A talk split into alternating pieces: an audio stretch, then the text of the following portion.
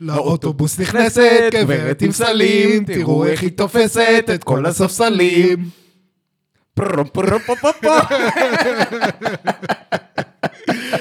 טוב, היה קצר- קצר ומתוק הפעם. כמו תמיד. אתה קצר ומתוק. או, תודה. תודה לך. שלום לכולם, לכ- לכל מאזיננו בכל קצוות תבל. אה, אנחנו פודקאסט נפלאות התבונה, אני נפלאות. ואני התבונה, ואנחנו הפודקאסט הטוב ביותר במזרח התיכון ובקצוות תבל, אם כבר. למה לא? אני אסע ברחבי תבל, אה, אחפש בלי די. אה, זה זה עוד שיר, תרשום לך. כן, אומיקרון. או מי-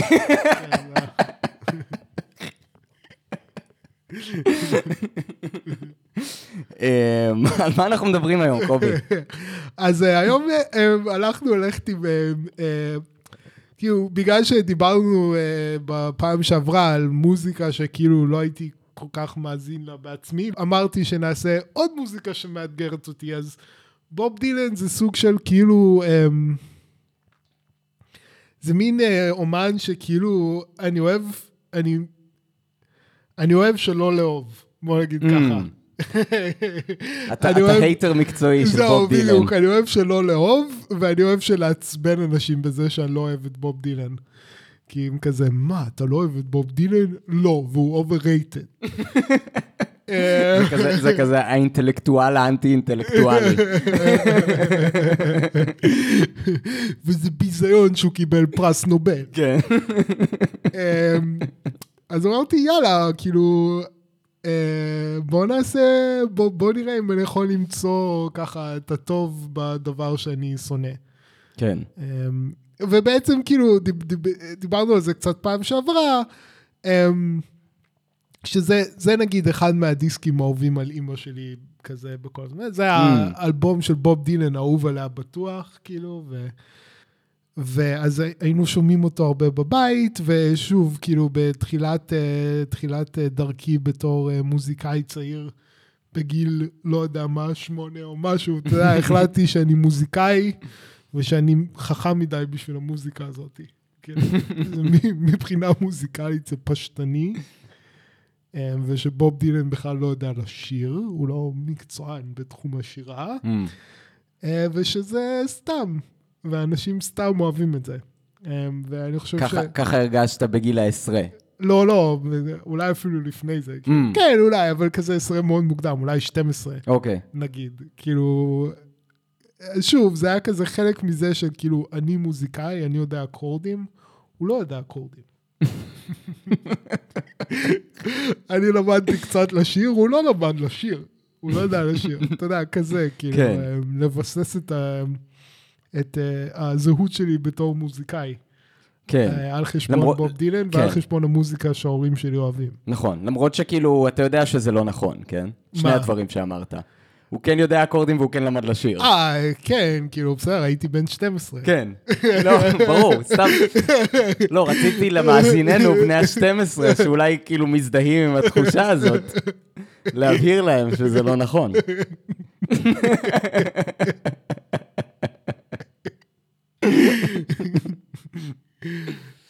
אה, ועכשיו בדיעבד, בכמה כמה שנים טובות אחר כך, איך כן, אתה אז- מרגיש ביחס לזה? בגדול התחלתי להיות hater של בוב דילן, ואז המשכתי להיות hater של בוב דילן, אה, בעיקר כי שוב, כי זה היה כיף, כאילו, להיות hater של בוב דילן. כן, כאילו, כי זה מעצבן אנשים. זה גם תמיד כיף להטריל ליברלים. בדיוק. בדיוק, וכאילו זה היה נחמד להיות הייטר של בוב דילן. אז, אז זהו, אז רציתי כאילו לנסות באמת להקשיב למוזיקה הזאת, לנסות להתחבר אליה באופן כנה, לתת לה הזדמנות מחדש, להעריך את, אה, את כל, כל מה שטוב בה, וזה זה בעצם היה הסוג של המטרה של הפודקאסט. בלב פתוח ובנפש חפצה. בדיוק. בדיוק, בדיוק. אה, מגניב. אני, אני אציין גם אצלנו, כאילו, שמענו בוב דילן אה, בבית, לא נראה לי שבאותה אינטנסיביות, כמו שאתה מתאר, נשמע שאימא שלך מעריצה גדולה.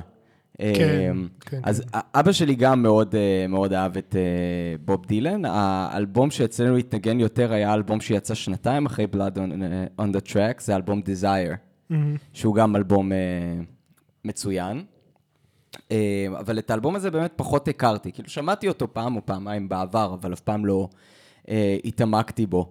אה, אבא שלי, יש, אה, היה לו סיפור על בוב דילן שתמיד, אה, שתמיד נחקק בזיכרוני, שהוא ב- בשנות ה-80, הוא הלך לראות אותו, אני חושב ב- בישראל. ב- יכול להיות שבירושלים. אז המופע של בוב דילן באותם שנים היה מחולק לשני חלקים. החלק הראשון שזאת הייתה להקת הליווי שלו, שגם הייתה להקה בפני עצמה, The Band, מהמם. שהם היו פשוט נותנים הופעה, אה, ואחר כך היה מופע של בוב דילן. כן. אז אבא שלי אמר שזה היה בעצם המופע החי הכי טוב שהוא היה בו אי פעם, וואו. וזה היה החלק הראשון. מגניב. המופע של The Band. ואז בוב דילן עלה על הבמה. ואז היה הדבר הכי ווירד שהוא חווה, כאילו, בהופעה אי פעם, וזה ממש עצבן אותו. אה, ומאז הוא כזה, יש לו יחסים מורכבים עם בוב דילן. עכשיו, אני אציין שבשנות ה-80, בוב דילן סוג של החליט שהוא מפתח כאילו תיאוריה מוזיקלית חדשה, והוא מכפיף את כל המוזיקה שהוא כאילו כתב אי פעם, וכל המוזיקה שהוא יכתוב אחר כך, לתיאוריה הזאת. עכשיו, זה משהו כאילו שאני לא יכול לתאר אותו, כי לא התעמקתי בו ולא למדתי אותו, ואני לא יודע אם הוא בכלל קוהרנטי מחוץ ל- אהה. ל mind של בוב דילן. אהה. הוא מנסה סוג של לתאר אותו בספר כרוניקות חלק אחד, שזה אג- אגב ספר מצוין. אהה. אה, סוג של מין ספר סוריאליסטי אוטוביוגרפי כזה. אוקיי. אה, מאוד מומלץ. אבל בגדול הוא סוג של כאילו מנסה להמציא תיאוריה מוזיקלית חדשה בהתבסס כזה על הבלוז והפולק האמריקאי, בתוספת של כל מיני רעיונות שעלו לו במהלך השנים, אתה יודע, כל מיני רעיונות של איך כאילו מרכיבים אקורדים, איך כאילו שמים מלודיה על איזשהו מהלך אה, הרמוני, אה, כל מיני רעיונות ריתמיים, אז כאילו זה המון כזה תיאוריה, שהוא ניסה להפוך את זה לפרקטיקה, ובסוף כאילו מה שיצא זה כאילו... שירים שהם מאוד ווירד, כאילו, אני אפילו כן. לא יודע איך לתאר אותם. אמ, זה כאילו, זה קרה אחרי האלבומים האלה, כן? של כן, ה-70's, כן. שנחשבים לאלבומים הקלאסיים שלו בעצם, כאילו, כן. של התקופת אה, פולק רוק, נקרא לזה, של, אה, של בוב דילן. אבל, אה, אבל כן, תמיד כאילו זכור לי, זכורה לי איזושהי תמונה כזאת של כאילו, אתה יודע, קונצרט שאף פעם לא הייתי בו, אבל יש לי כזה תמונה מאוד מוחשית של מה היה שם, אתה יודע, של כזה כן. הופעה מדהימה כזה של, של The Band, כן. שהם כאילו להקה סופר מקצועית, וכאילו הם מנגנים מדהים, ואז כזה מופע weird של בוב דילן, שהוא כזה ממלמל ושר בשקט, וכאילו, ומנגן דברים שהם כזה incomprehensible לקהל נורמטיבי שבא לראות הופעת רוק של בוב דילן. זהו, כאילו, זה חלק מהקטע שלו, הוא תמיד קצת זורק, כאילו, לא יודע אם זורק, אבל כאילו, אתה יודע, הוא, he does his thing, כאילו, ולא, כאילו, גם אה, אפרופו טרול, הוא היה גם כזה, כמו הביטלס, מאוד מטריל את התקשורת. כן, כן. לראות אה, וידאוים מוקדמים של... דרך אגב, בקטע הזה עם הורים שרואים הופעות של בוב דילן, אז באופן מוזר, חודש, חודשיים אחרי שעלינו לחיפה מארצות הברית, בוב דילן בא והופיע בנמל חיפה. Hmm, וההורים שלי ראו, ראו אותו באיזה הופעה סופר אינטימית, כאילו היה משהו כמו עד 100 אנשים, כאילו, אה, וואו. בנמל חיפה באיזה אופן מוזר, כאילו, פשוט, אה, לא יודע, זה היה באיזה פסטיבל ג'אז או מה, לא יודע, אבל אה, משהו קצת הזוי. נשמע ממש מגניב. כן, ממש מגניב, כן. זה כמו כזה ה- המופעים של לואי סי-קיי, אחרי שביטלו אותו, שפתאום אתה יכול לראות אותו שוב כזה במופעים הקלאסיים שלו במועדונים, ולא כן, כן. באיצטדיונים. מגניב. אולי אני אשתף בכזה התרשמויות כלליות שלי מה, מהאלבום, כי באמת לא... אף פעם לא התעמקתי בו במיוחד, עד, ש, עד שבעצם המלצת לדבר עליו, ו, ו, אה, ועכשיו יצא לי לשמוע אותו הרבה בעצם, כל יום במל, במשך אה. השבוע האחרון. אז כמה התרשמויות שעלו לי, קודם כל שכאילו אתה לא, כאילו אני לפחות, אני לא מרגיש את האורחים של השירים. יש באלבום הזה שירים של כאילו של, שלוש דקות ושירים של כאילו שבע, שמונה דקות. נכון. אמ, וכאילו, כשאני שומע פשוט את האלבום כמקשה אחת, אני לא ממש מרגיש, אה, השיר הזה הרבה יותר ארוך מהשיר השני. כאילו, זה מרגיש כמו איזשהו משהו אחד. כן. וגם האלבום עובר נורא מהר, כאילו. נכון, על אף שהוא אלבום פעם, כאילו, יחסית 40, ארוך. זה 40 דקות, אבל כל פעם זה מרגיש כמו לא, לא 40 דקות, לא יודע לתאר, כאילו. כן. זהו, שזה מעניין, כי בדרך כלל דברים שהם כאילו, אם נדבר על המבנה של השירים, רוב השירים בנויים פשוט בתור, אין אפילו פזמונים, זה בית, כן. בית, בית, בית. כן. הם ממש כאילו שירי פולק קלאסיים באיזשהו כן. מקום. אני לא צריכה פזמון, רק תשים לי פעמון. בדיוק. אמ, אז, אז זה מעניין שדווקא משהו שהוא, אני אומר במרכאות רפיטטיבי, כן? היית מצפה שלא יעבור כל כך מהר וחלק. כי בדרך כלל כשמשהו רפיטטיבי, אתה מרגיש את הרפיטטיביות וזה מרגיש ארוך. כן. וכאן דווקא, אולי באמת בזכות ה- גם, גם הביצוע המעולה של בוב דילן וגם הטקסטים המצוינים שלו, אה, והווריאציות הקטנות באמת, שהוא, שהניואנסים האלה שרק הוא מסוגל לעשות, כאילו בין כן. בית לבית, זה באמת עובר חלק ומהר.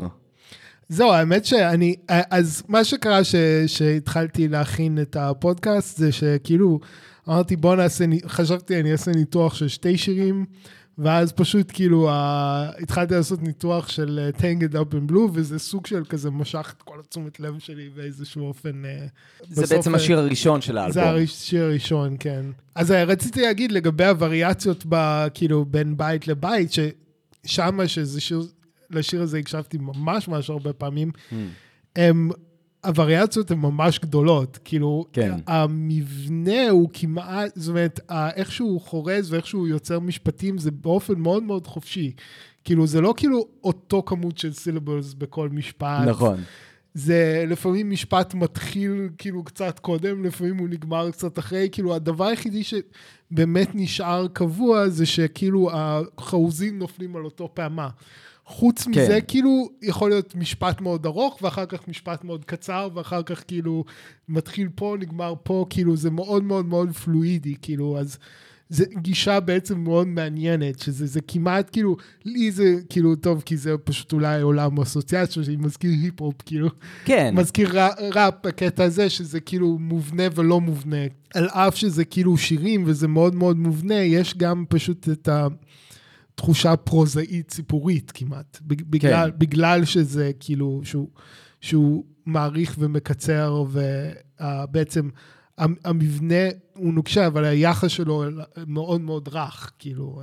כאילו, ה- כאילו, אתה מדבר על המבנה, נקרא לזה המבנה המקרו, הוא מאוד אה, נוקשה, אבל במיקרו, כשאתה נכנס כן. לבתים עצמם, בפנים כן. יש המון פלואידיות של איך אתה כאילו שם את הדברים בתוך השבלונה הזאת של הבית, כן, נקרא לזה כמות ככה. העברות בכל שורה היא מאוד לא קבועה, נגיד. כן, כן. איפה זה מתחיל ביחס לאקורדים, כאילו, ש, שרציתי באמת לעשות ניתוח מבני, היה לי מאוד קשה בכלל להבין כמה משפטים יש, בגלל שיש כן. פתאום משפט ארוך, משפט קצר, משפט זה, ואז פשוט הלכתי לפי אקורדים, כאילו. Mm, לפי אקורדים יש, אתה ממש רואה את המבנה ואתה יכול ממש לספור משפטים, שאולי זה היה קשה, כאילו, אם, אם לא, כאילו. כן, שזה, שזה אולי מאפיין כללי, כאילו, של, של, של כל המוזיקה של בוב דילן, שהוא בעצם לוקח את הרעיון הזה של הפולק, אה, של מוזיקת הפולק שבפני עצמה היא מאוד פשוטה, והוא מביא אותה כאילו לכדי סוג של, אה, של אומנות, כאילו גם מבחינה מוזיקלית, כאילו עם הווריאציות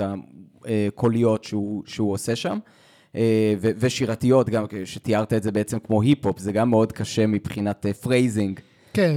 כאילו כל פעם לעשות את השינויים האלה באופן שיישמע טבעי. במקביל, כן, לשירה, כאילו הטקסטים שלו הם שירה לכל דבר ועניין, ואתה יכול כאילו גם לקרוא אותם אה, כטקסטים. אז אולי אם התחלת לדבר על זה, אתה רוצה אולי להציג את הניתוח שלך? אז כן, אבל אה, אפשר, כאילו, זה, זה, זה ניתוח קצת ארוך, כאילו, קצת מאוד ארוך אפילו, כאילו, כי גם השיר ארוך.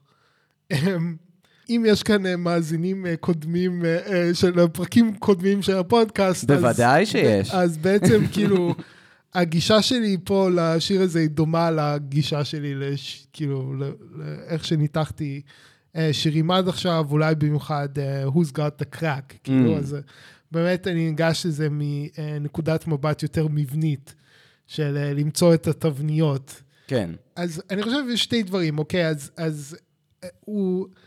אחד הדברים ששמתי לב אליהם, לפני שאפילו התחלתי לשים לב למבנה, זה הוא מ- מצד אחד, כאילו, מבית לבית, זה סיפור, סיפור על אישה. Um, ואם אתה מסתכל על בית ראשון, בית שני וכולי וכולי, זה כמעט ובלתי אפשרי שזה יהיה אותה אישה. אבל Mm. כאילו, זה פשוט לא כזה הגיוני, כאילו, פעם אחת הוא פוגש אותה, ואז כאילו, בבית הראשון נניח, כאילו, הוא רומז על זה שההורים שלה חשבו שהוא לא עשיר מספיק, כאילו, כדי להיות איתה, כן. ואז כאילו איזה כמה בתים אחרי זה, היא חשפנית. כאילו, והוא פוגש אותה כשהיא חשפנית. ובית ישר אחרי זה, כאילו אחרי זה שהוא פוגש אותה ושהוא עני והיא עשירה, אז הוא אומר, שפגשתי אותה לראשונה, היא הייתה נשואה soon to be divorced. כאילו, זה לא, מס, לא, לא מסתבר שזו אותה אישה, כאילו, או שזה אותו סיפור. ו, אבל במהלך השיר הוא כן כאילו אומר, הוא כן כאילו מתייחס אליה בתור אישה אחת, שהוא רודף אחריה. Mm. אז כמובן, ומי ש, מי שכבר מכיר ניתוחים אחרים שלי היה יודע שהייתי עושה את זה במילא, אבל, אבל אה, כמובן שזה ישר אה, הקפיץ אותי לאיזשהו אה, מישור יותר אבסטרקטי. כן. אה, ואני אני בעצם חושב ש... אה, או בעצם זה יכול, יכול להיות כל מיני מובנים לשיר הזה, אבל המובן שהייתי רוצה, כאילו שאני סוג של לקחתי איזה יחס בין האומן להשראה שלו. Mm. ושבעצם האישה היא אותה אישה באופן שזה אבסטרקטי, הוא מדבר על השראה, והמפגשים, האופנים השונים שבו הוא פוגש את האישה הזאת בבתים השונים של השיר, זה בעצם אה, מתאר סוגים שונים של מפגש יצירתי עם, עם השראה. כן. ואיך איך זה בא לידי ביטוי ואיך נוצר איזשהו אה, שיר או יצירה מהדבר הזה. אתה חושב שמבחינה אה, נרטיבית, נקרא לזה, יש כאן רצף אה, כרונולוגי בשיר, או שיש כאן קפיצות ב, ב, אז בזמן? זהו, ראיתי אנשים שאומרים, אה, כאילו, קצת, לא ממש, לא, לא ממש קראתי אה, זה, אבל אה, דיברתי עם בן דוד שלי קצת, ודאעש ללוטן, אז... אה, אז אה, הוא אמר שיש פרשנות כזאת, ש, שפרשנות מקובלת, שאולי הבתים הם לא לפי הסדר. Mm. אני מבחינתי, כאילו, אה, שוב, כאילו, אני- אני לא ממש רואה איך זה יכול להיות בכלל אותה אישה, כאילו. כן. Um, כאילו יכול להיות כל דבר, אתה תמיד יכול למלא את החסר באיזה אופן משוגע, כאילו שזה כן יהיה אותה אישה, אבל בשבילי זה כזה, הפשט זה שזה לא ממש אותו אישה, אלא שיש כאן איזשהו... כן, לא, אבל אני אומר, בהתבסס על זה שקיבלנו את ה- את הפרשנות הזאת, שזה- שזה יותר אבסטרקטי, שזה היחס כן. של האמן עם ההשראה שלו. השאלה עדיין עומדת בתילה. כן. האם הנרטיב הוא, הוא כרונולוגי או לא כרונולוגי? אה, אה, אה, אז אוקיי, אז אני אדבר, לא, אז אני לא יודע, אז אני מצאתי יותר משהו שהוא יותר תבנית, ופחות אוקיי. כאילו, אה, פחות כרונולוגי. קצת יש בו גם איזשהו אלמנט כרונולוגי לדעתי. יש, יש לשיר שבע בתים, כן. אמ, ולכל אחד מהבתים יש שבע שורות. Mm, אז זה כבר כאילו נחמד להסתכל על הסוג של המקרו-קוסמוס, מיקרו-קוסמוס. כן. אמ, אז כמובן, כאילו, שבע ישר, אה, אותי זה מקפיץ כמובן לימי הבריאה. אמ, כן. יש עוד כל מיני שבע בחיים האלה, שבע תווים וכולי וכולי.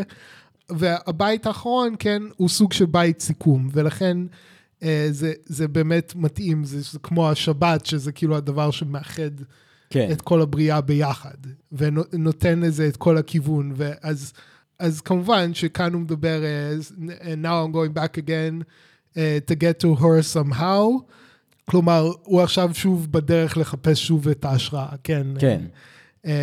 ש- שלדעתי, כאילו, אני, אני מרגיש שהזה הש- השביעי ממש, כאילו, אה, ממש אה, סוג של מאשש את ה...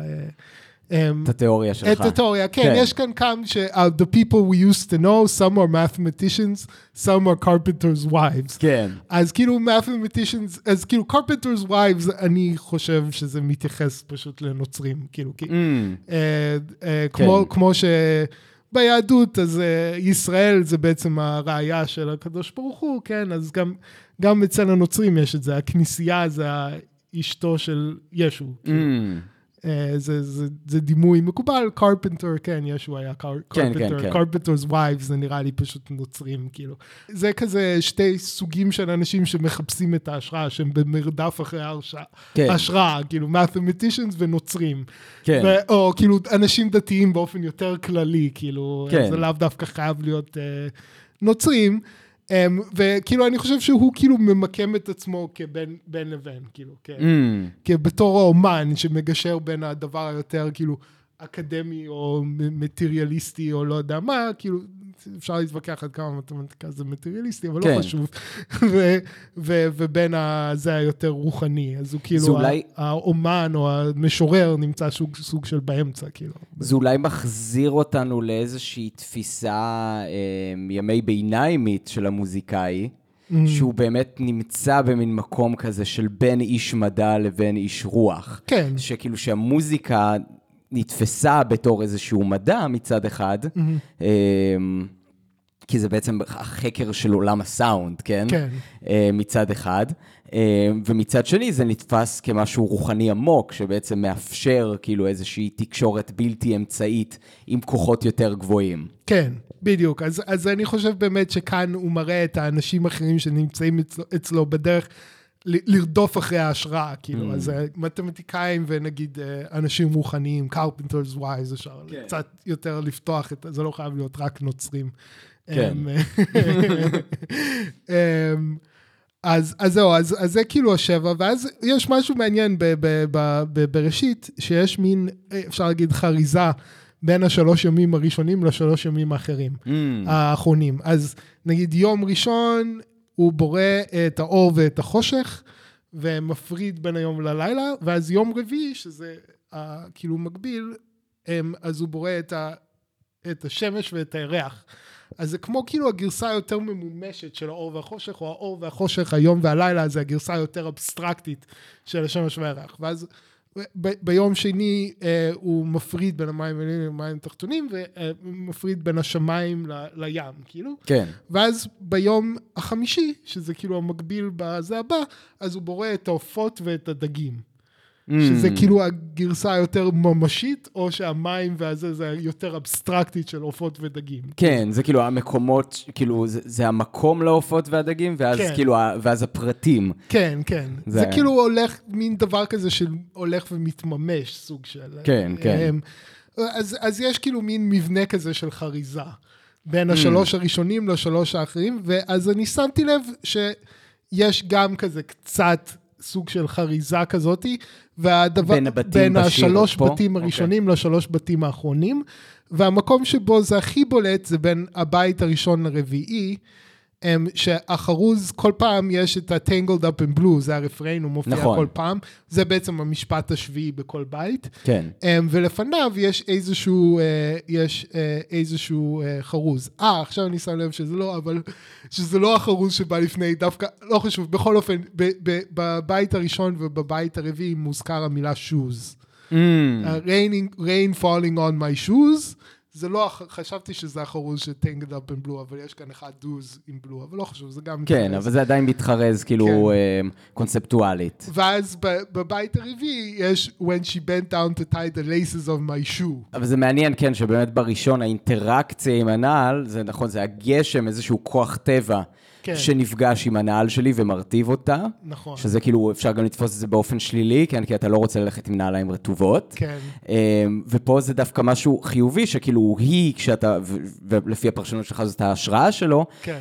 היא, היא באה ועוזרת לו, היא בעצם כאילו מסייעת לו במסע שלו, במקרה הזה על ידי זה שהיא עוזרת לו לקשור את השרוכים כן. בנעליים. אז אני חושב שמכאן הגעתי שיש איזושהי חריזה בין הזה, ויש עוד, עוד חריזה מעניינת, זה שאם אם באמת מחלקים את זה לשתי קבוצות של שלוש, אז ב- בבית אחד ובבית שתיים הוא מדבר על האישה, ואז על, על בית שלוש הוא לא מדבר על האישה כמעט, Mm, הוא מספר איזה סיפור אחר, וזה קורה שוב, בית ארבע הוא מדבר על האישה, בית חמש הוא מדבר על האישה, ואז בית שש הוא מספר סיפור אחר. mm, אמ, אז זהו, אז משהו לגבי הגשם, הג- הגשם על הנעליים זה בעצם, כן אני חושב, מתאר איזשהו רגע של כאילו סוג שאפשר להגיד מפגש בין שמיים וארץ, של כן. יצירה, של, של... אה, נכון, כי זה גשם מגיע מהמקום הכי גבוה, מהשמיים, וזה מגיע עד המקום הכי נמוך בגוף שלו. כן. אה, לנעליים.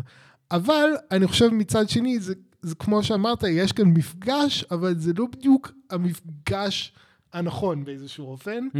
כי כאילו המים פשוט נופלים, כאילו, כאילו נעל זה כן איזשהו כלי, אבל זה נמצא על, ה, על הרגליים שלו, אז זה לא יכול להיות כלי קיבול ממש לגשם, כאילו. כן. אז הגשם פשוט נופל ממנו, אז יש איזשהו מפגש, יש איזשהו השראה, אבל זה כאילו מין מפגש חלקי.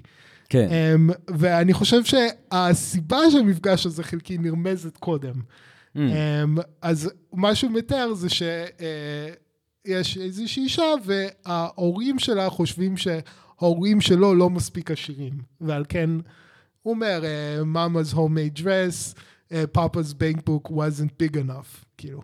Mm.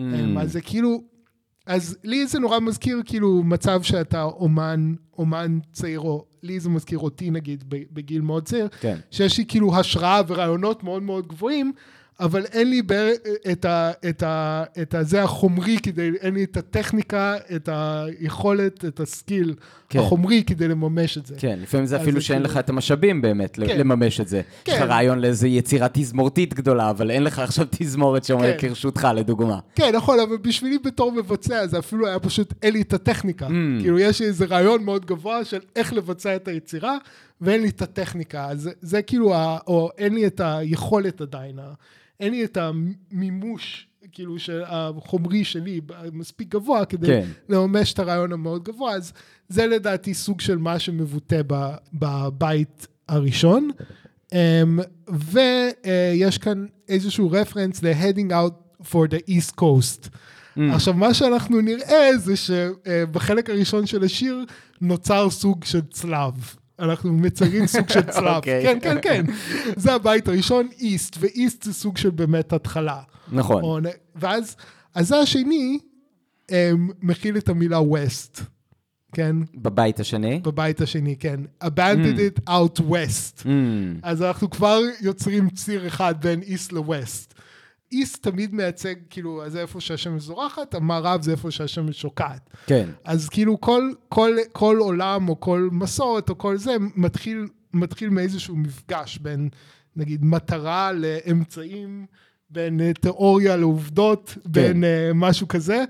Um, ואז הוא הולך ומתממש, ואז מתישהו גם הוא הולך וכאילו, ואז הסוף של זה, הס, הסוף מגיע שהדברים האלה נפרדים.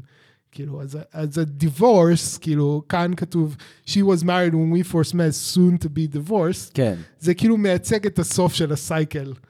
הסייקל האומנותי, ושזה, אז זה באמת כאילו קשור גם ל, ל, להגיע למערב, כאילו.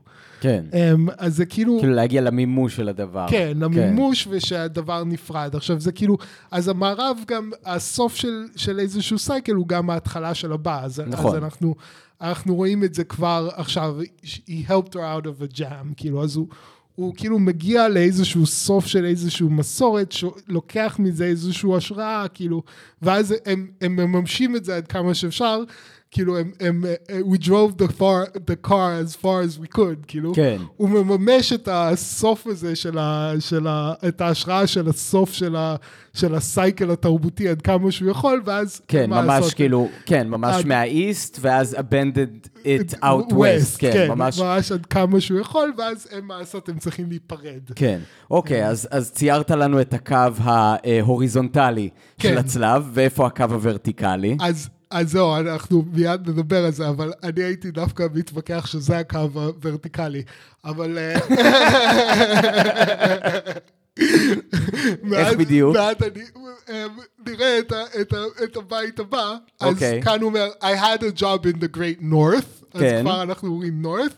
ואז בסוף הוא אומר, drifted down to New Orleans. אז כן. הוא לא מציין south באופן אה, זה, הוא כן. אומר down, אבל... ש- שדאון באמת מציג את זה בתור הוורטיקל, כן? אבל... אה, אמ, ודרך אגב, אה, קטע מעניין אה, שמסכם את ה... אז, אז, אז צפון דרום נמצא כולו בתוך ור שלוש. כן. אז יש לנו מזרח מערב וצפון דרום, שזה יוצר קרוס. כן. ואז איפה, אה, איפה הוא מוצא את עצמו בסוף של בית שלוש? while I was on a fishing boat right outside of Delacroix. אוקיי. דלקרוי זה off the cross. Mm. אז אה, בסוף, כן. בסוף אחרי שהוא משרטט את הצלב, בעצם הוא נמצא קרוב לצלב. אה, כן, אמ, אבל לא בתוכו, מחוצה לו. כן, כן, כן. עכשיו, למה, למה אני טוען, למה אני, אני אז, אז, אמ, כן, למה אתה חייב לסבך, קובי? למה, למה, איסט וווסט זה ורטיקל ולא הוריזונטל? אוקיי, כי אז צלב זה כמובן אה, אה, סימבול הרבה יותר עתיק מהנוצרים. כן, כן. ובעצם מה שהוא באמת מייצג, שוב, זה המפגש הזה בין שמיים לארץ, בין, אז הוורטיקל מייצג את השמיים, זה בעצם מייצג את המטרה, האבסטרקציה, הד- הדבר שהוא קוה- קוהרנטי, הדבר שגורם לדברים to cohere, Mm, הוריזונטלי? וההוריזונטלי מייצג את ה-diversity. אז יש לך Mm. diversity ו-coherence, והמפגש של diversity ו-coherence זה הדבר שיוצר את העולם, נכון? כן. כי כדי שיהיה, כדי שיהיה אה, כיסא, אז אתה צריך איזשהו משהו שמאחד את כל הכיסאות, אבל אתה חייב גיוון בין הכיסאות, נכון. כדי לתפוס את העיקרון של הכיסא. למה דווקא כאילו, אז כמובן במפות מודרניות, הצפון דרום הוא ה axis הוורטיקלי, כן. אבל במפות אפילו קולומבוס, אה, שהוא הפליג לאמריקה, הפליג עם מפה שה vertical היה מזרח מערב. Mm. הצפון דרום הוא, הוא עניין מודרני, אז מזרח מערב פעם היה ה vertical, אמ, ולמה כאן אני חושב שזה מתאים להיות ה vertical? כי כאן בעצם אנחנו רואים את הכאילו, אה, הוא נמצא בלי השראה, אז הוא כאילו נמצא בעולם החומר. Mm, כאילו זה, ב- בשלישי הוא לא מדבר על האישה, זה כאילו בלי השראה. כן, זה כאילו, אז זה כאילו מתאים שהוא נמצא על ה horizontal, כאילו. כן. אין את המפגש, אז הוא נמצא בתוך העולם החומר, כאילו. כן, יש כאילו diversity של המון דברים, אבל כן. אין איזושהי השראה שתוכל לקחת, כאילו ל- לקחת רעיון אבסטרקטי ולהשתמש בחומר בשביל לממש משהו בעל משמעות במציאות. כן, כן, בעצם אין כאן מפגש עם האישה. כאילו, כן, אז כן. זה, זה כאילו, זה, זה כאילו, אז, אז זה למה שאני אני הייתי אומר שזה דווקא מתאים להיות ההוריזונטל ולא הוורטיקל, ושהמזרח והמערב, Mm. זה שקורה המפגש עם האישה, זה בעצם הוורטיקלי כן, שמייצג את כאילו ה... בגלל שבבית השלישי הוא לא מציין את ה- את כן, האישה, כן, אוקיי. כן. או, או רק מציין את זה ש- she never escaped my mind, כן. כן, Mm, בבית השלישי. Um, זהו, ואז כאילו, ואז כאן מתחיל כאילו החלק שכאילו הוא חורז עם השלוש בתים הראשונים. כן. Um, אני גם, עכשיו כאילו, uh, זה גם אני חושב שאפשר למצוא את אותו סימבוליזם של מזרח ומערב, למרות שזה לא מצוין באופן, uh, באופן ממש ישיר, כמו בבית הראשון ובבית השני. אז כאן, בבית הראשון היה לנו כאילו איזשהו מצב שבו הרעיון הוא גבוה מדי, או ההשראה גבוהה מדי, ואני לא, מס- לא עשיר מספיק כדי, כדי לקלוט אותו, כן. אז כאן יש לנו סוג של ההפך, היה לנו את האישה הבלתי מושגת, ועכשיו יש לנו את האישה הממש מושגת. Mm, אז uh, כאילו, היא חשפנית, כן? כן, כן. Um, ו... Uh, כאילו הוא מתאר את זה באופן הרבה יותר ציורי, אבל כן. כן, בסדר. אה, ברור. אז, אז כאן אני חושב שזה מש, זה, זה הפוך, זה כאילו, אתה, זה סוג של הגאווה, כאילו. Mm, אתה הופך להיות מאוד, אתה הופך להיות, אנחנו מכירים כאלה שהם כאילו, הם מאוד טכניים, הם למדו הכל, הם יודעים תיאוריה מעולה, וכאילו, אה, זה מרגיש שהם כאילו טובים מדי כדי באמת לעשות מוזיקה, כאילו, כן. כדי, כדי באמת להתחבר לאיזושהי השראה, הם לא מוכנים לרדת מספיק נמוך, כאילו, בשביל... ל, ל, ל, להתחבר לאיזושהי השראה ולאחד את הכל ביחד. זה Mm. כאילו, אני רואה את זה כסוג של הקוטב ההפוך של, של הבית הראשון. mm, זה כאילו, אתה, הדגש כאן הוא על הטכניקה והזה, ופחות כאילו, אמ, כאילו, מצב שאתה יותר מדי ממומש. כן. אמ, וגם כאן יש לנו סוג את העניין הזה של שוב, bent down to tie the laces of my shoe. אמ, גם כאן יש לנו סוג של, זה מרגיש מפגש שהוא כמו, כמו הריין שנופל על השו. כן. כאילו זה גם של, היא מתכופפת לזה, ויש כאן, אפשר לראות את זה כאיזשהו מין רמז מינורלי. כן. אמ, וגם גם מינורלי זה סוג, זה סוג, סוג כאילו מפגש בין הזכרי לנקבי, שהוא מפגש כן. אמיתי, אבל כאילו זה לא המפגש הכי פורה, כי מפגש יותר נכון. פורה זה ג'נטל וג'נטל, כאילו. זה, כן, כן. אה, זה איבר מין ואיבר מין שיכול ממש להוריד- להוליד ילדים. אז גם כאן אנחנו רואים כאילו, נראה לי דומ- דומה לסימבוליזם של הגשם על הנעל. שכאילו זה מפגש, זה מאוד דרמטי וזה, אבל זה גם כאילו לא, לא כאילו המפגש הכי פורה, כאילו. אה, כן. לא, מה מה שבא לי במה שאמרת זה באמת העניין הזה שה... אמ, כאילו הגאוותנות הזאת של, ה, אה, של הטכניקה הגבוהה, שבעצם כאילו לא מאפשרת לך, כאילו, כל עוד אתה לא מוותר עליה, אתה כאילו לא יכול להגיע לאיזשהו מימוש אמיתי. כן. כי זה כאילו, זה כמו שאמרנו קודם, זה איזשהו כאילו דייברסיטי כזה של כאילו של טכניקות ויכולות, אבל אם אין איזושהי השראה שנפגשת איתו, כן. הוא חסר משמעות. כן, אם אתה ו- לא מוכן... כן, מה? לרופף קצת, לה- לה- להכיר בזה שאתה לא יודע, לפתוח אה, משהו למשהו חדש, אז כאילו אתה... אז זהו, אז אני רוצה כן. להרחיק לכת. כן, אמ, ולטעון שכאילו ברגע שזה מה שבעצם אה, מגדיר את היצירה, אך ורק כאילו הטכניקה, החלק החומרי, בעצם לא קיים האדם שיוצר את, ה, את, ה, את המוזיקה, או כל סוג של אומנות, כן? כאילו, או כל, כל סוג של יצירה, קיימת רק הטכניקה. וזה בעצם, אני עכשיו שמתי לב, כשאנחנו מסתכלים על הטקסט, ש, שהיא אומרת לו, tell me I don't know your name.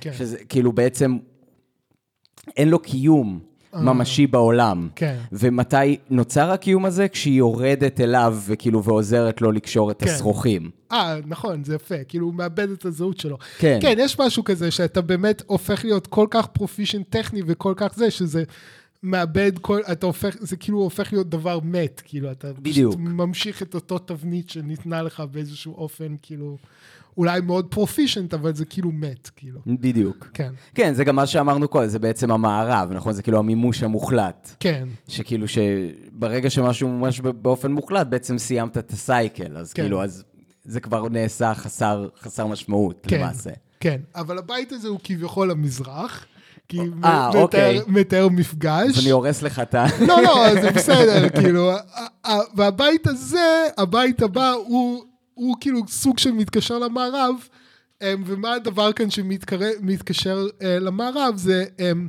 שהוא מתאר כאן אה, ספר שירה שנכתב written by an Italian poet of the 13th century. כן. עכשיו, לי אסוציאציה הייתה למשורר איטלקי אה, פטררק, Mm. שהוא, שהוא לא מה-13th century, אבל הוא מה-14th century, שהוא נקרא אבי ההומניזם. כן, טוב, מה זה וכאילו- 100 שנה בין... אה, אז זהו, אחר כך חיפשתי באינטרנט לראות מי אנשים אומרים, ודווקא אנשים חשבו על פטררק, אז הייתי אה, אוקיי. מבסוט, כאילו זה לא רק אני. כן. אמ, אבל הרבה אנשים אחרים חשבו על, על משורר אחר שכנראה טיפה יותר מתאים, וזה דנטה, כאילו. כן.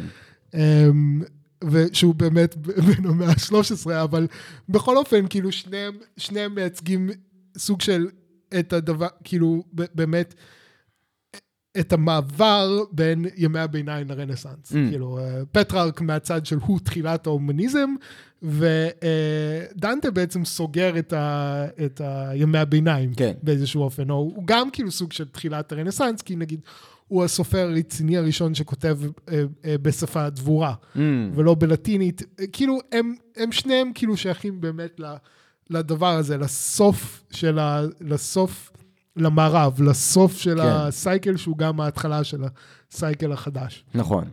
אה, ורס 6 בעצם, קודם כל אנחנו רואים שכבר החריזה עם, עם ורס 3 נמצאת בזה שהאישה כאן לא מוזכרת. כן. אה, זה סיפור אחר, הוא גר בבייסמנט של איזשהו זוג.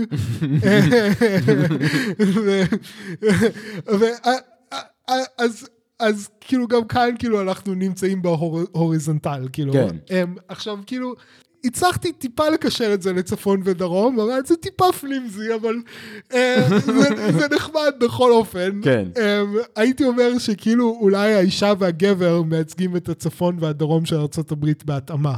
אוקיי. Um, הגבר זה מאוד ברור.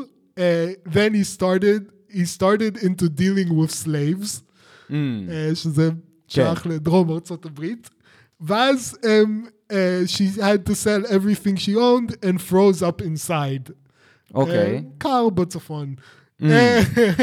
אז כאילו, זה יותר כאילו, אפשר לראות בו איזשהו אמבודימנט של הדרום, ואז כאילו uh, זה, וגם על פי, על פי סימבוליזם קבלי, כאילו ברור שהדרום יהיה זכרי והצפון נקבי, כן, אז Mm.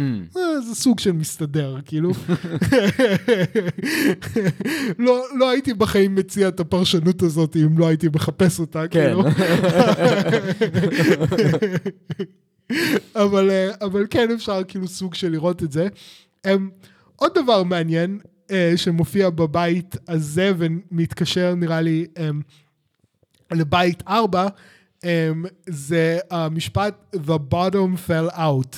אוקיי. Um, ובית ארבע מתחיל בטופלס בר. Mm. אז כאילו אנחנו מת, מצטייר כאן אה, איזשהו אה, ציור, אם, אם באמת לוקחים את כל הבתים האלה בתור, שלוש בתים האלה בתור יחידה אחת, איזשהו צינור, כאילו שאין לו. topless ו bottom שfell out. כן, כן. אז בעצם זה אולי הצינור שמציע, שדרכו יכולה לזרום אה, ההשראה. כן. אה, כן. אה, ש, שהולך אה, מה topless ל bottom fell out.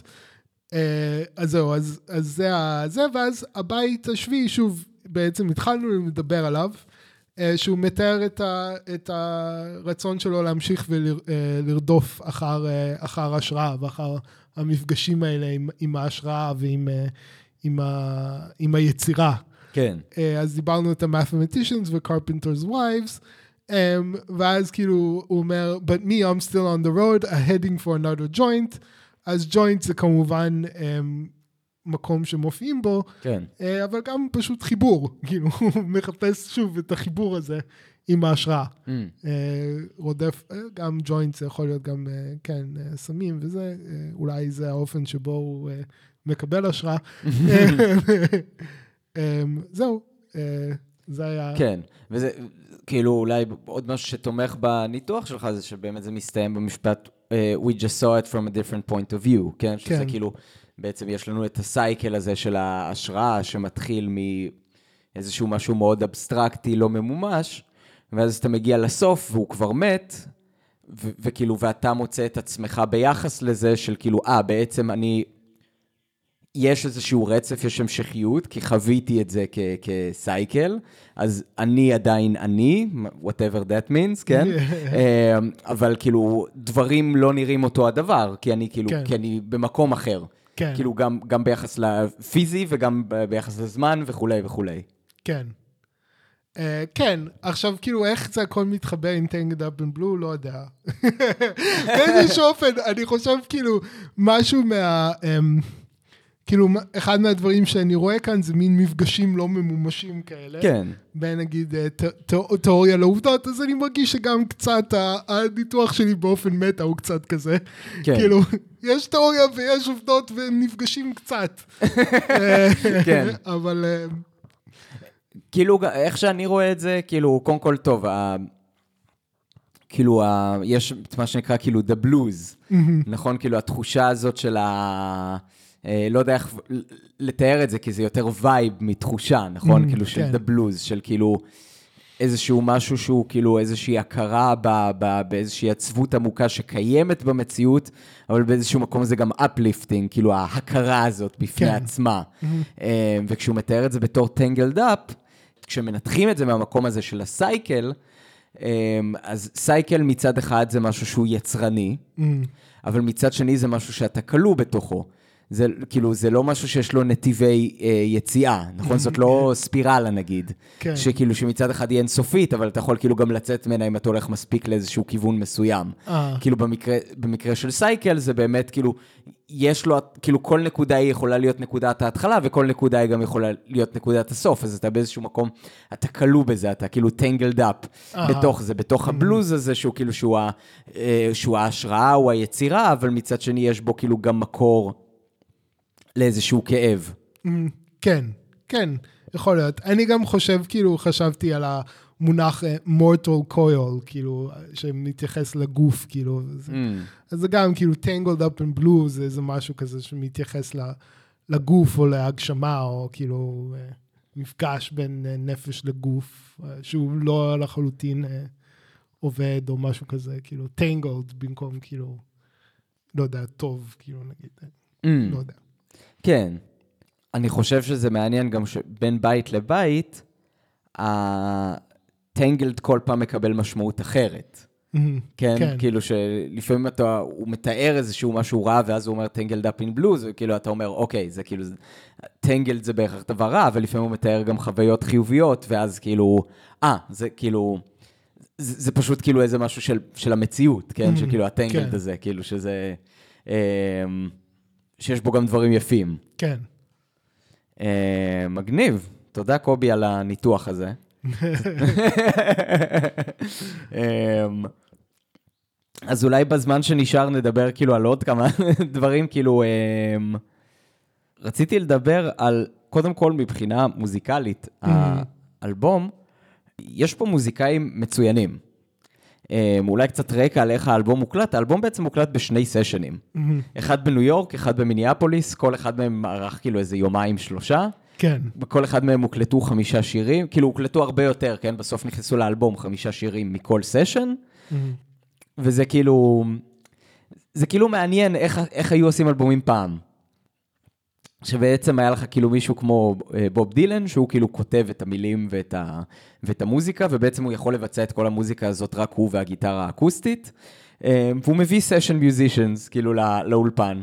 מוזיקאים מטורפים, אחד-אחד, כאילו, זה, זה באמת מדהים, כאילו, שאתה שומע בכל שיר, שזה יכול להיות רק בוב דילן לבד עם הגיטרה, ובחלק מהשירים זה באמת רק, כן, כאילו, רק גיטרה ושירה. עם כן.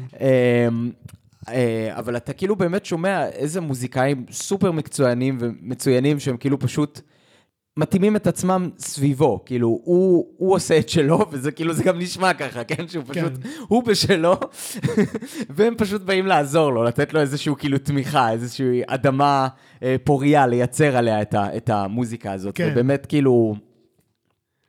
מוזיקאים אה, אה, מדהימים שהם כולם, אף אחד מהם הוא לא באמת איזשהו מוזיקאי מפורסם, כאילו אולי אם לקשר את זה לפרק הקודם של, אה, של יס, אה. שאתה שומע שכל המוזיקאים מדהימים, אבל כל אחד גם יש לו איזה קריירה בתור כן. מוזיקאי.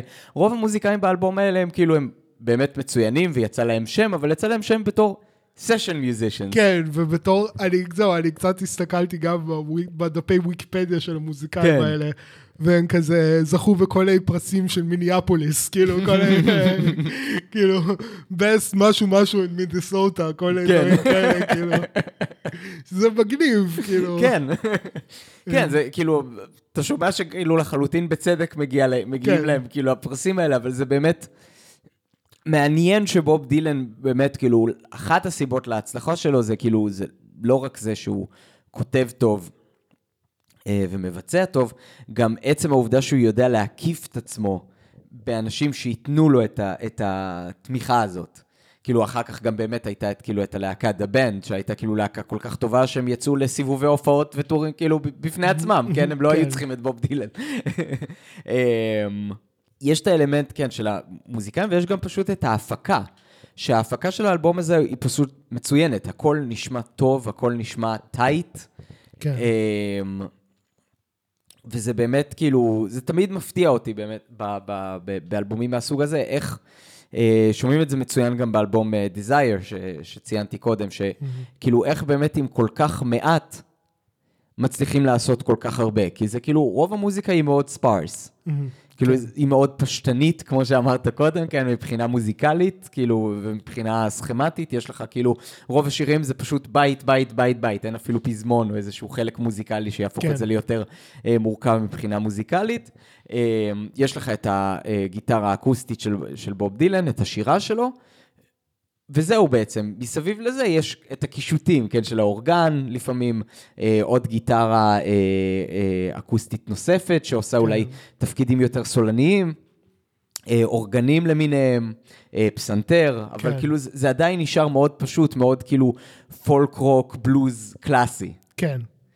אז זה באמת אה, אה, תמיד מפתיע אותי באלבומים כאלה מבחינת הפקה, כמה זה, כמה זה טוב וזה מרגיש באיזשהו מקום effortless. כאילו, כנראה שזה כן. מאוד לא effortless, אה, כנראה שזה כאילו גם המפיק, שפשוט יש לו המון ניסיון, כאילו, כן. באולפן, ולגרום לדברים להישמע טוב ביחד, וזה כאילו גם...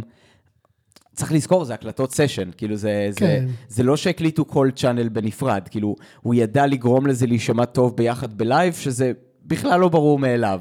כן, וגם ידוע דרך אגב שבוב דילן אוהב לעשות take אחד או משהו כזה, כן. כאילו הוא לא, כאילו, זה נשמע ככה, כן. כן, כן, זה נשמע ככה, זהו, זה הזכיר לי כאילו סוג של את ה, מה שדיברנו על ה Moldy Peaches, כאילו של אסתטיקה של, אה, של sketch. זה לא Mm. ממש אסתטיקה של sketch, אבל גם יש לך את ה... את ה את התחושה הספונטנית הזאת ש, שאתה שומע, כאילו כמו, כמו באלבום ג'אז נניח, או כן. משהו כזה, ובאמת כאילו זה מרגיש שהעבודה הקשה ש, ש, שנכנסה לזה הייתה בהכנה.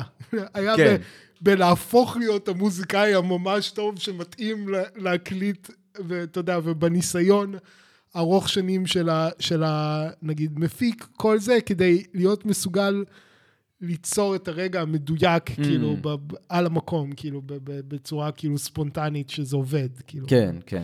מעניין כאילו גם מה ש... שהזכרת, שכאילו זה take אחד וזה ספונטני. יש כאילו שירים באלבום הזה שהוקלטו באלבום, ופעם ראשונה שהם בוצעו בלייב היו כאילו עשרות שנים אחר כך. אה, באמת. כאילו, כן, בהרבה אלבומים של בוב דילן זה ככה. כאילו, הוא הרבה אה. פעמים כאילו היה, אתה יודע, פשוט...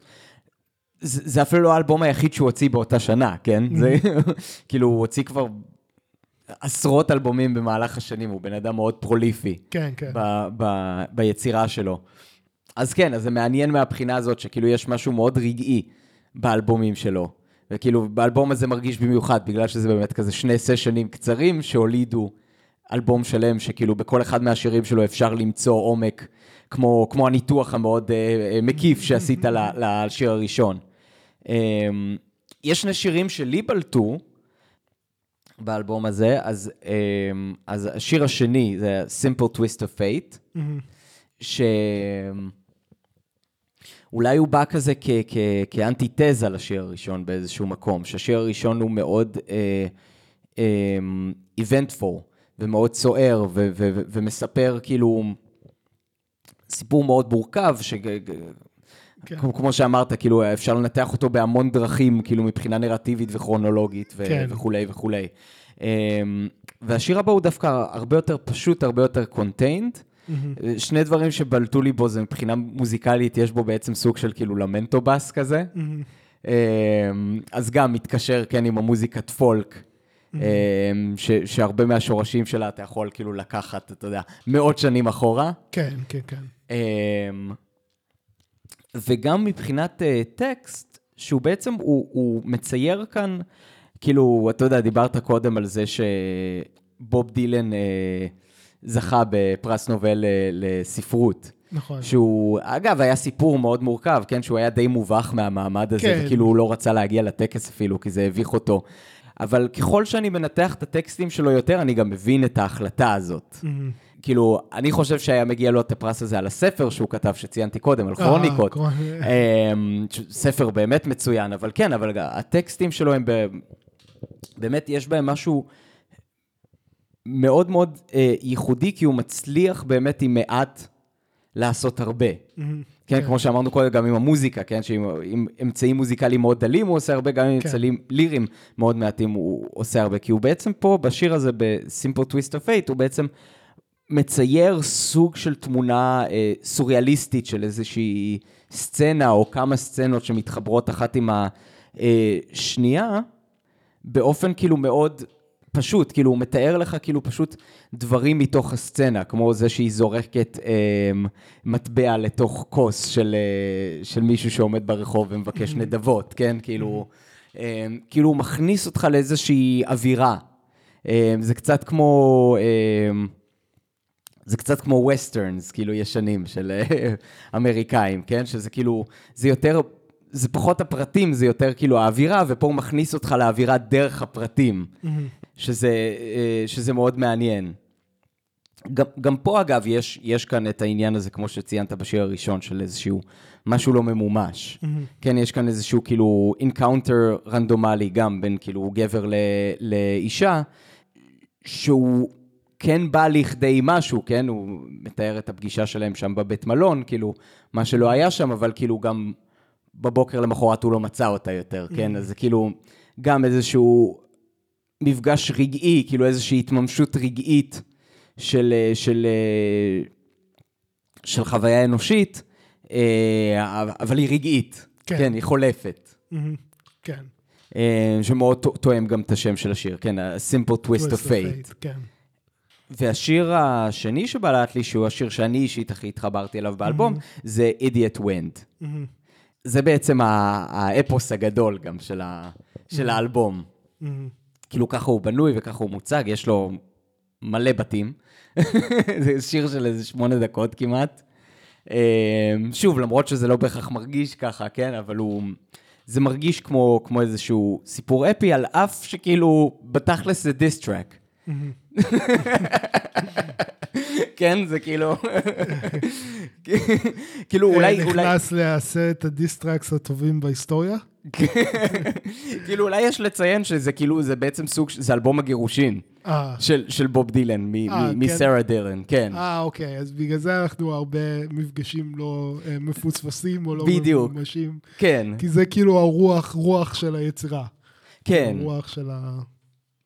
כאילו, על אף שהוא לא פונה באופן ישיר, כן, אצלו הכל זה באמצעות דימויים ובאמצעות כן. דברים לא ישירים, אבל כאילו, זה די ברור שכאילו זה מתאר את, ה, את ההתפרקות של מערכת Mm. היחסים שלו עם, אה, עם אשתו, הם כאילו, מבחינה ביוגרפית, כן, הם כאילו נהיו יותר ויותר מה שנקרא estranged, מילה מאוד יפה שאני לא יודע אם יש לה מקבילה בעברית. מוזרים. כן, אז זה לא בדיוק, כן, זה...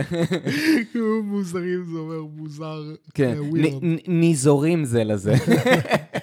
אם הייתי צריך כאילו לבנות את המילה בעברית, כן? אמ, אז, אז אה, כן, גם, גם הבן של דילן, כאילו, אה, הוא, הוא אומר, כל פעם שאני שומע את האלבום הזה, כאילו, אני, אני רואה את, ה, את ההורים שלי מתווכחים, אני רואה את ההתפרקות של מערכת היחסים שלהם. כן, כן. אז זה שיר הזעם של, של בוב דילן, כן, הוא מדבר כאילו על ה-idiot wind, אז כאילו איך שאני רואה את זה, זה כאילו הרוח שהיא בעצם איזשהו איתן טבע שאתה לא יכול באמת להתמודד איתו, כאילו, אם איתני הטבע החליטו שמערכת היחסים שלכם לא תחזיק, היא לא תחזיק, כן? אז הוא כאילו מדבר על ה-idiot wind, אבל הוא גם מדבר על ה-idiot wind בתור כאילו פשוט ה... המילים שיוצאות מהפה של אשתו, שהוא מאוד כועס עליה, כן? אמ, וכאילו, וזה מגיע כאילו לקולמיניישן, אגב, זה שיר עם פזמון, לעומת השירים האחרים, כן? אה, שזה גם מאוד מעניין. אז, אז זה מגיע לקולמיניישן בפזמון, שהוא שר בכל פזמון, כאילו, It's a wonder you still know how to breathe. כן, שזה למרות כזה ש- מאוד פוגעני, אבל, אבל מאוד אפקטיבי. ל- ב- לפחות בבית האחרון הוא- נכון, יש וריאציה של זה. נכון, אז אה, בבית האחרון, יש איזושהי כאילו הבנה, כן, שזה לא... צריך שניים לטנגו, כן? אז זה אומר, we're idiots, babe. Um, it's a wonder we can even feed ourselves. אהה, כן, זה... אז כאילו, אז כן יש גם הבנה של כאילו שזה לא במעמד צד אחד, כן? אהה, אה, בגלל זה, כן, הכתיבה מאוד מאוד חכמה, כן? שהוא כאילו... הוא יודע מה הוא הולך לשיר בבית האחרון, כן? או שהוא לא, כן? יש גם את האלמנט הספונטני, יכול להיות שהוא החליט ברגע האמת בבית האחרון, בזמן ההקלטה, לשיר את ה... את השורה האלטרנטיבית. כן, בדיוק. אני, אני לא באמת יודע. כן. היה בזה משהו כזה שמאוד סחף אותי, כי אני אהבתי כזה את ההתפרצות הרגשית את ה- הזאת של, ה, של הזעם, אבל זה מין זעם מפוכח כזה, וגם מבודח באיזשהו מקום, כן? כן, כי זה כן, כאילו, כן. כשאתה מעליב מישהו ברמה כזאת, כן, אתה כל כך טיפש, שאתה לא, אני לא מבין איך אתה בכלל יכול לנשום, כן? זה כאילו, כן. זה ברור שזה כאילו, שזה מבודח. אחרי שזה עבר עיבוד מסוים כבר, זה כן, לא כאילו כן. raw, כאילו, זה... זה אולי היה באמת רגע שהוא באמת הרגיש ככה, אבל כן. הוא איבד את זה והוא הבין שזה כאילו יותר כן. מורכב מזה. כן, אמ, ועוד משהו שעניין אותי בשיר הזה, זה שהוא בעצם מתחיל מהאמצע, מבחינה מוזיקלית. אוקיי. כן, כאילו, הבתים של השיר הם כאילו מתחילים בשיא המתח המוזיקלי, ואז כאילו... ורק אז הוא פותר אותו, כן? זה כאילו, זה מתח שמוביל לעוד מתח של כאילו הברידג' כאילו לקראת הפזמון, ואז בפזמון יש את, ה, את ההרפאיה. כאילו זה, זה, כאילו זה ממש, זה לא מתחיל במה שנקרא בטוניקה מבחינה אה, מוזיקלית, על אף שזה לא מוזיקה טונאלית, כן? אבל זה, זה באמת מתחיל באיזשהו שיא של, אה, של מתח, שזה גם כאילו עובד ממש טוב מבחינה... אה, תמטית, כי זה בעצם כזה, אנחנו נכנסים כזה ללב של השיוורון של כאילו של מערכת כן. היחסים. של הוויכוח, של המריבה, של המתח. כאילו, בדיוק. כן. כן, זה כמובן כאילו הכל שירים שאני שמעתי הרבה מאוד פעמים, באופן כזה, אתה יודע, לא, לא הכי מודע, כי זה אף פעם לא כזה עניין אותי, אבל אתה יודע, שאני, שאני שומע אותם, זה הכל שירים שאני מכיר די טוב כן. בעצם, כאילו. הם, עוד, עוד שיר שאני כאילו חש, חשבתי בהתחלה גם לעשות ניתוח שלו, אבל אז הלכתי לאיבוד ב, אה, בניתוח הגרנדיוזי שלי של Tangled Up in Blue. הם, זה היה Jack of Hearts, לילי. רוזמרי and the Jack of Hearts. שזה מין סיפור ווסטרן כזה, נכון. עם דמויות uh, ססגוניות וכולי וכולי, שנראה לי שבתור ילד תמיד אהבתי. אה, כן. דווקא את השיר הזה אהבתי את הרפריין ואת ה-Jack of Hearts. דווקא כשניסיתי uh, להקשיב לו, um, היה לי מאוד קשה לעקוב אחרי העלילה, אבל... אה, כן, זאת עלילה מאוד לוס. כן, נקרא זהו, לזה. זה... כאילו, אתה צריך להשלים המון לבד, בוא כן. נגיד ככה. יכול להיות שלדילן היה תמונה מאוד מאוד ברורה של מה העלילה, אבל מחמת, אה, אתה יודע, הז'אנר, כן, הוא יכול רק לתת vignettes כאלה, שיכולים לתת לך איזושהי הצצה למה קורה, אבל אתה לא לחלוטין מבין אה, כן. את העלילה. כן, מה שהופך את זה כמובן למאוד אפקטיבי, כן? כן, זה- כן. אם הוא היה נותן לנו את כל העלילה, זה פשוט היה משעמם. כן, כן, זה כאילו, זה מה שהופך אותו גם ל storyteller טוב, שהוא כאילו נותן לך בדיוק את פיסות המידע, כאילו, ש, שאתה צריך כדי להישאר engaged. כן, הוא גם משקיע יותר בעיצוב הדמויות מאשר במהלכי העלילה. כן. כן, כאילו, שזה מגניב. אתה מקבל איזושהי תמונה של הדמויות עד סוף השיר, אבל מה קרה. מה היה האקשן, מה היחסים שלהם אחד לשני, יודע בערך, כאילו. כן. אמ, דבר, דבר משעשע ששמתי לב שמקשר אותנו לשיר הראשון, זה שיש לדילן איזשהו משהו עם נשים שצובעות את השיער שלהם. אני לא, לא יודע, כאילו. זה מופיע כן. גם ב Jack of Hearts וגם ב Tangled Up in Blue, כאילו. כן. אז אמ, אולי זה פשוט אה, אשתו, אה, שרה, הייתה גם צובעת את השיער, אני לא יודע. כן, לא, תראה, מה שצביעת שיער מסמלת לרוב אצל נשים, זה איזשהו כאילו מאבק בזקנה. כי נשים שצובעות את השיער לרוב, כן, כאילו, בעיקר לא נשים צעירות, הן צובעות את השיער כדי להסתיר את השערות הלבנות. כן. אמ, וכשאתה בעצם מוריד את הצבע מהשיער, כמו שרוזמרי עושה ב... כן. ב-Jack of Hearts, כן. אמ, אז אה, זה בעצם כאילו ההורדה של המסכות, זה בעצם, כן. היא, היא חושפת את, ה, את האני האמיתי שלה באיזשהו מקום. כן, כן, נכון, זה כיסוי של הכיסוי, כי שיער הוא סוג של כיסוי בפני עצמו. נכון, נכון. כאילו. אה, נכון, משהו כזה, נכון, ודרך אגב, זה לילי נראה לי. אה, שלא לילי זאת נצטרך ש- לעשות אה, פרק תיקונים. ב- אז זה ה...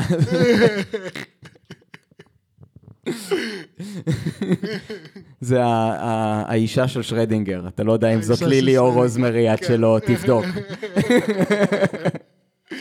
כן, וגם בזה הראשון, ב-Tangled Up in Blue, כאילו, אה, משהו, I wonder, משהו, משהו, if your hair was still red. כן, כאילו, צבעת את השיער, וגם הרד כמובן איכשהו מתקשר שם עם הבלו, אבל זה לא, לא נכנס לניתוח. אבל כן, שמתי לב שיש איזה משהו עם נשים שצובעות את השיער, שמופיע לפחות בשתי שירים, כאילו. כן, אולי משהו, כיסוי של הכיסוי, כן, שאולי חו- חוסר אמון שלו בנשים. משקף כן, באיזשהו אופן. כן, זהו, כי צבע גם מסמן צביעות, כאילו, ואת כן. ה... כמו שאמרנו, מסכות זה כיסוי, כן. זה לא משהו אמיתי, וכאילו ההתפרקות אולי של המערכת יחסים שלו עם אשתו הבהירה לו שכאילו היו דברים עליה שהוא לא, שהוא לא ידע. לא ידע או לא הכיר בהם, או שכאילו, שיש איזושהי עצמיות כאילו יותר טהורה או מזוקקת של אשתו שהוא לא היה מודע אליה, שבעצם לא מאפשרת את, את המשך מערכת היחסים שלהם. כן, כן, כן. אה, מגניב. יש, יש לנו עוד משהו להגיד על האלבום הזה? אה, לא, כאילו, זה היה נחמד, אה, תרגיל נחמד בשבילי לחזור מחדש לאצלי הילדות בככה עין ואוזן אחרים. כן. אה, זהו. אמ, אז הייתי רוצה אולי כאילו כבר עכשיו לקשר את זה לשבוע הבא, אז אמרנו שזה אלבום גירושין. כן, אז אמ, אני רוצה אמ, שנאזין לאלבום שהוא בעצם, הוא המשך לאלבום גירושין, בעצם זה המשך לפודקאסט שגנזנו, מה, מהתקופה הישנה. ג'ונגי ג'ונגי. אמ, אז אני רוצה שנאזין ל-Endless Summer Vacation, האלבום החדש של מיילי סיירוס, אה, אוקיי. שהוא בעצם המשך ישיר לאלבום הקודם של הפלסטיק הארטס, שהוא אלבום הגירושין שלה.